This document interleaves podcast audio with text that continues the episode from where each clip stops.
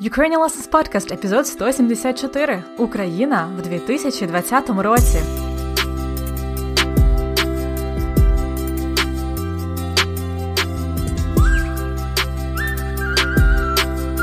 Добрий день! З вами Анна Огойко і подкаст Уроки української. Подкаст для всіх, хто вивчає і любить українську мову. На цьому подкасті я повільною українською мовою розповідаю вам різні цікавинки про Україну та українців. Зараз закінчується 2020 рік, непростий для нас всіх рік. І як і минулого року, у четвертому сезоні я вирішила підготувати для вас випуск новин з України за весь 2020 рік. Тобто сьогодні я буду в ролі журналістки, можна так сказати, на радіо. Я презентую вам основні новини України, а також новини політики, культури та спорту. Готові почати випуск новин за 2020 рік?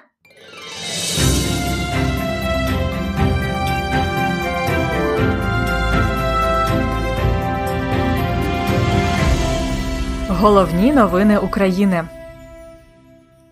На початку січня в Ірані, неподалік Тегерана, розбився літак авіакомпанії МАО.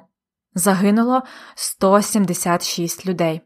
Уже на третій день після трагедії президент Ірану офіційно визнав, що це Збройні сили Ірану помилково збили літак. МАУ, Міжнародні авіалінії України, це на сьогодні найбільша авіакомпанія України, і авіакатастрофа в Ірані стала першою катастрофою компанії.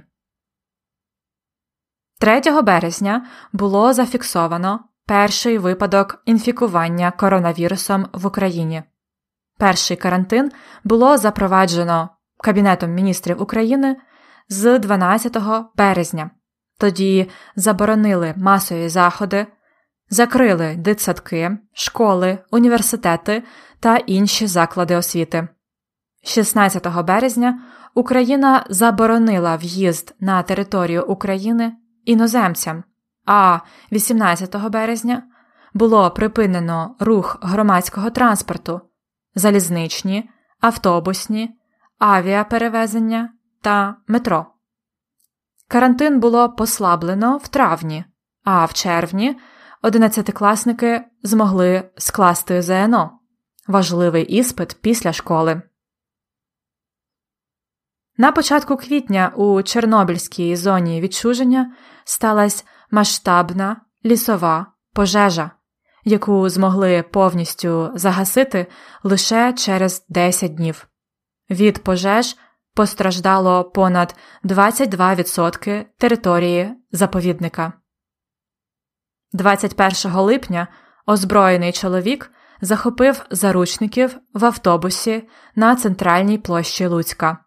Він здійснив два постріли в бік правоохоронців і кинув гранату, яка не здетонувала. Так званий луцький терорист поставив дивну вимогу до президента України Володимира Зеленського подивитись фільм Земляни і опублікувати про це відео в соцмережах. Після того, як Зеленський виконав вимогу чоловіка, терорист відпустив усіх людей і здався. Ще одна авіакатастрофа трапилась 25 вересня в місті Чугуїв Харківської області. Під час військових навчань розбився військовий літак. На борту перебували 27 людей, з них загинули 26 осіб. Через місяць після трагедії урядова комісія встановила причини аварії. Зокрема, це було порушення плану польотів, порушення правил виконання польотів і недостатня професійна підготовка екіпажу. Восени у вересні в Україні почалась друга хвиля коронавірусу. Люди почали масово хворіти. Станом на середину грудня 2020 року всього підтверджених випадків інфікування в Україні 920 тисяч. Померло майже 16 тисяч людей. Весь цей час в Україні діяли різні карантинні заходи. А на днях уряд оголосив про посилений карантин або локдаун. Він розпочнеться 8 січня 2021 року, вже після українського Різдва, і триватиме до 24 січня. Ці обмеження прем'єр-міністр України Денис Шмигаль назвав зимові канікули заради безпеки. У цей період буде заборонена робота кафе, ресторанів, кінотеатрів, театрів, фітнес-клубів, спортзалів і організація будь-яких розважальних заходів. Усі заклади освіти, крім садочків, також не працюватимуть. З обмеженнями буде працювати громадський транспорт, а також продуктові магазини, аптеки, банки, пошта та готелі. Політичні новини 4 березня відбулись зміни в уряді України.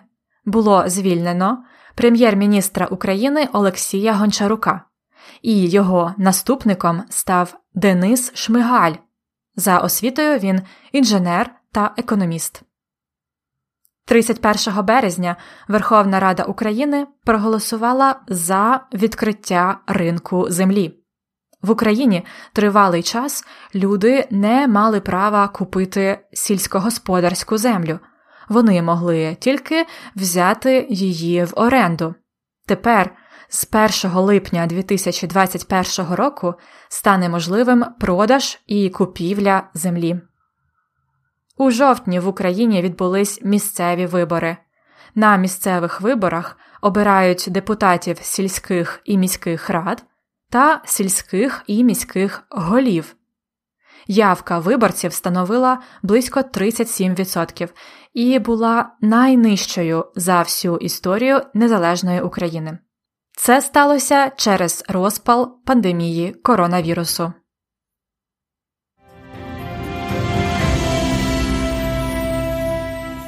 Новини культури у лютому американська режисерка Ірина Цілик здобула нагороду американського кінофестивалю Санденс за фільм Земля блакитна, ніби апельсин. Стрічка перемогла за найкращу режисерську роботу в категорії світової документалістики.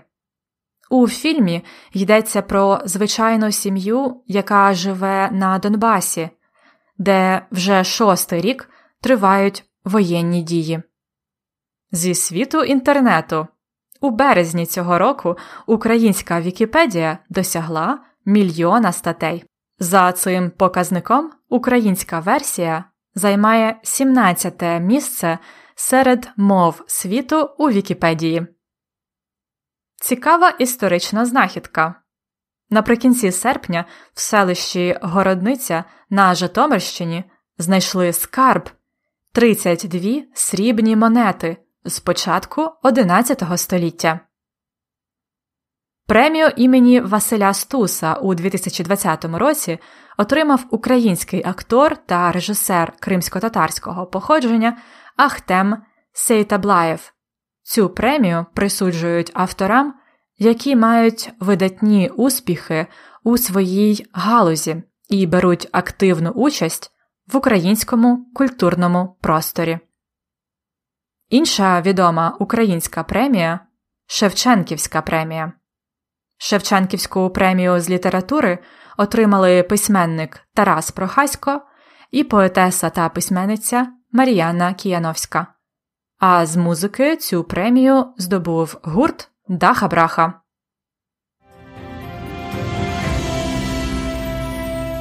Новини спорту на початку року у січні українська легкоатлетка Ярослава Магучих встановила юніорський світовий рекорд зі стрибків у висоту у приміщенні. Юніорські змагання це вікова категорія до 20 років. Ярослава Магучих стрибнула у висоту на 2 метри, а саме 2,2. Цього року вона здобула чимало перемог і є однією з надій української легкої атлетики. На чемпіонаті Європи зі спортивної боротьби українці здобули чимало нагород. Зокрема, золото здобув Семен Новіков. Він став чемпіоном Європи з греко-римської боротьби. А Юлія Ткач Остапчук стала чемпіонкою Європи зі спортивної боротьби. Також минулої зими збірна України здобула золоту медаль в естафеті з біатлону на чемпіонаті Європи в Білорусі. Українка Олена Підгрушна стала володаркою срібної медалі з біатлону. Перша ракетка України Еліна Світоліна стала переможницею турніру в Монтереї. Наразі Еліна Світоліна займає п'яту сходинку рейтингу WTA жіночої тенісної асоціації. 8 липня футбольна команда Динамо Київ стала володарем Кубку України з футболу. Переможцем чемпіонату України з футболу, це Українська прем'єр-ліга, став Донецький Шахтар. Ці дві команди зіграли за Суперкубок України. Перемогу здобуло Динамо Київ з результатом 3-1. Важливою перемогою для донецького шахтаря стала перемога над командою Реал Мадрид у рамках групового етапу Ліги Чемпіонів. Львів'янка Олена Старікова стала чемпіонкою Європи з велотреку, який відбувся у листопаді в Болгарії. Українська фехтувальниця Ольга Харлан уже п'ятий рік посідає перше місце у світовому рейтингу. Вона виграла два золота Кубка світу з фехтування. У листопаді в Києві відбувся чемпіонат Європи з художньої гімнастики, на якому українки здобули три золоті медалі. Такими були новини 2020 року. Сподіваюся, наступний рік принесе нам набагато більше добрих новин.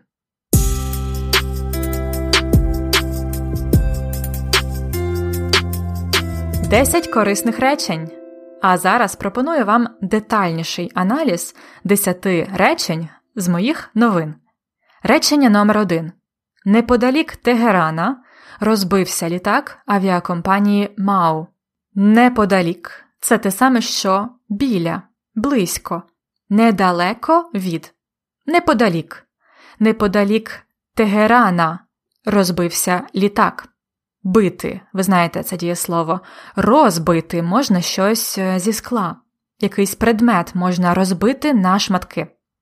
Розбитися Саме це дієслово ми вживаємо, якщо якийсь е, транспортний засіб потрапив в жахливу аварію. Наприклад, може розбитися літак, чи машина може розбитися. Наслідки тут зазвичай фатальні. Повторіть ще раз, це сумне речення. Неподалік Тегерана розбився літак авіакомпанії МАУ. Речення номер 2 3 березня було зафіксовано перший випадок інфікування коронавірусом в Україні. 3 березня, коли ми говоримо про дати, то вживаємо родовий відмінок закінчення ого для числівників і а для іменників 1 січня, 2 лютого, 3 березня. А 3 березня було зафіксовано Перший випадок інфікування було зафіксовано. Це та сама пасивна конструкція, яку дуже часто використовують саме в новинах. Ми не говоримо, хто саме це зробив. Тут немає особи, підмета, суб'єкта. Ми вживаємо було плюс дієслово, яке закінчується на но або то. Було зроблено, було розпочато було зафіксовано перший випадок інфікування коронавірусом в Україні. Повторіть ще раз частинами.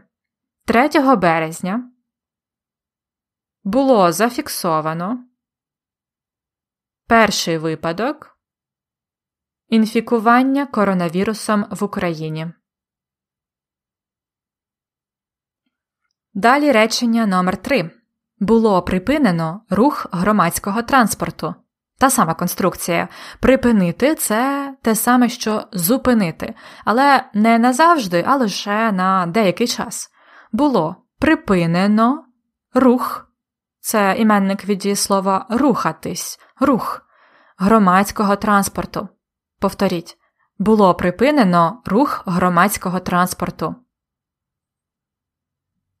Наступне речення карантин було послаблено в травні. Знову ж таки, пасивна конструкція. Карантин було послаблено. Послабити це зробити щось слабшим, тобто не таким сильним, не таким суворим, як раніше. Повторіть. Карантин було послаблено в травні. Наступне п'яте речення. У Чорнобильській зоні відчуження сталася масштабна лісова пожежа. Чорнобильська зона відчуження.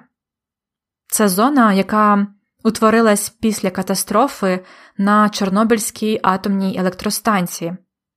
Це певна закрита територія, куди заборонено, тобто не можна приїхати без дозволу, просто так.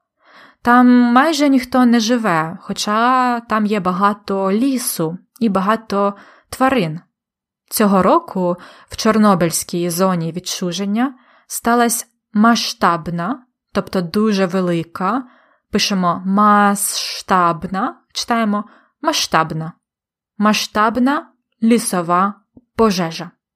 Пожежа це fire у значенні катастрофи, а просто fire українською буде вогонь. Тобто є два слова пожежа і вогонь. Повторюйте за мною. У Чорнобильській зоні відчуження сталася масштабна лісова пожежа. Наступне шосте речення. Так званий Луцький терорист поставив дивну вимогу до президента. Так званий Луцький терорист. Тобто цього чоловіка так називають, він так званий so-called, так званий. Луцький терорист поставив дивну вимогу поставити вимогу.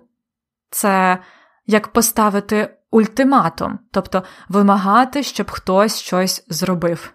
Він поставив дивну вимогу до президента України. Подивитись фільм. Повторіть ще раз. Так званий луцький терорист поставив дивну вимогу до президента. Далі речення номер 7 На місцевих виборах обирають депутатів сільських і міських рад та сільських і міських голів. В Україні є три типи виборів: президентські, парламентські і місцеві. Так от, на місцевих виборах обирають депутатів сільських і міських рад.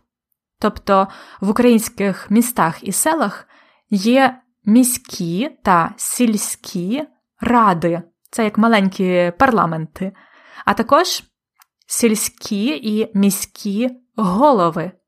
Тобто це основна людина у місті чи в селі. У місті ще цю людину називають мер або міський голова. Так от, депутатів сільських і міських рад та сільських і міських голів обирають на місцевих виборах. Повторіть ще раз. На місцевих виборах обирають депутатів сільських і міських рад та сільських і міських голів. Речення номер 8 У фільмі йдеться про звичайну сім'ю, яка живе на Донбасі. У фільмі йдеться. Це чудовий початок, якщо ви хочете розповісти про зміст якогось фільму чи книги, наприклад. У фільмі йдеться про, або у книзі йдеться про, чи в цьому подкасті йдеться про. У фільмі Земля блакитна, ніби апельсин Йдеться про звичайну сім'ю, яка живе на Донбасі. Повторіть. У фільмі йдеться про звичайну сім'ю, яка живе на Донбасі. Наступне речення номер 9 про нашу першу ракетку, тенісистку. Еліна Світоліна займає п'яту сходинку рейтингу WTA. Займати сходинку рейтингу або займати місце у рейтингу. Сходинка це частина сходів. Іноді так ми говоримо про місце в рейтингу. Повторіть. Еліна Світоліна займає п'яту сходинку рейтингу. І останнє речення. Сподіваюсь, що наступний рік принесе нам набагато більше добрих новин. Сподіваюсь, тут все зрозуміло. Сподіваюсь, що наступний рік принесе майбутній час нам набагато більше, much more, набагато більше добрих новин. Повторіть е, за мною. Сподіваюсь, що наступний рік принесе нам набагато більше добрих новин. І на сьогодні все. У мене склалось таке враження, що це, можливо, один із найсумніших епізодів цього року. Все-таки цей рік був не дуже веселий, тому щоб не закінчувати цей рік песимістично, наступний епізод буде позитивніший. Це буде новорічна пісня і новорічні побажання. Тому не пропустіть! А щоб прочитати повний транскрипт новин і корисних речень, а також зробити корисні вправи, запрошую вас оформити нашу преміум підписку. Більше про преміум за посиланням ukrainianlessons.com episode 174. Позитивних вам, гарних новин, всього найкращого в новому році з Різдвом і Новим роком!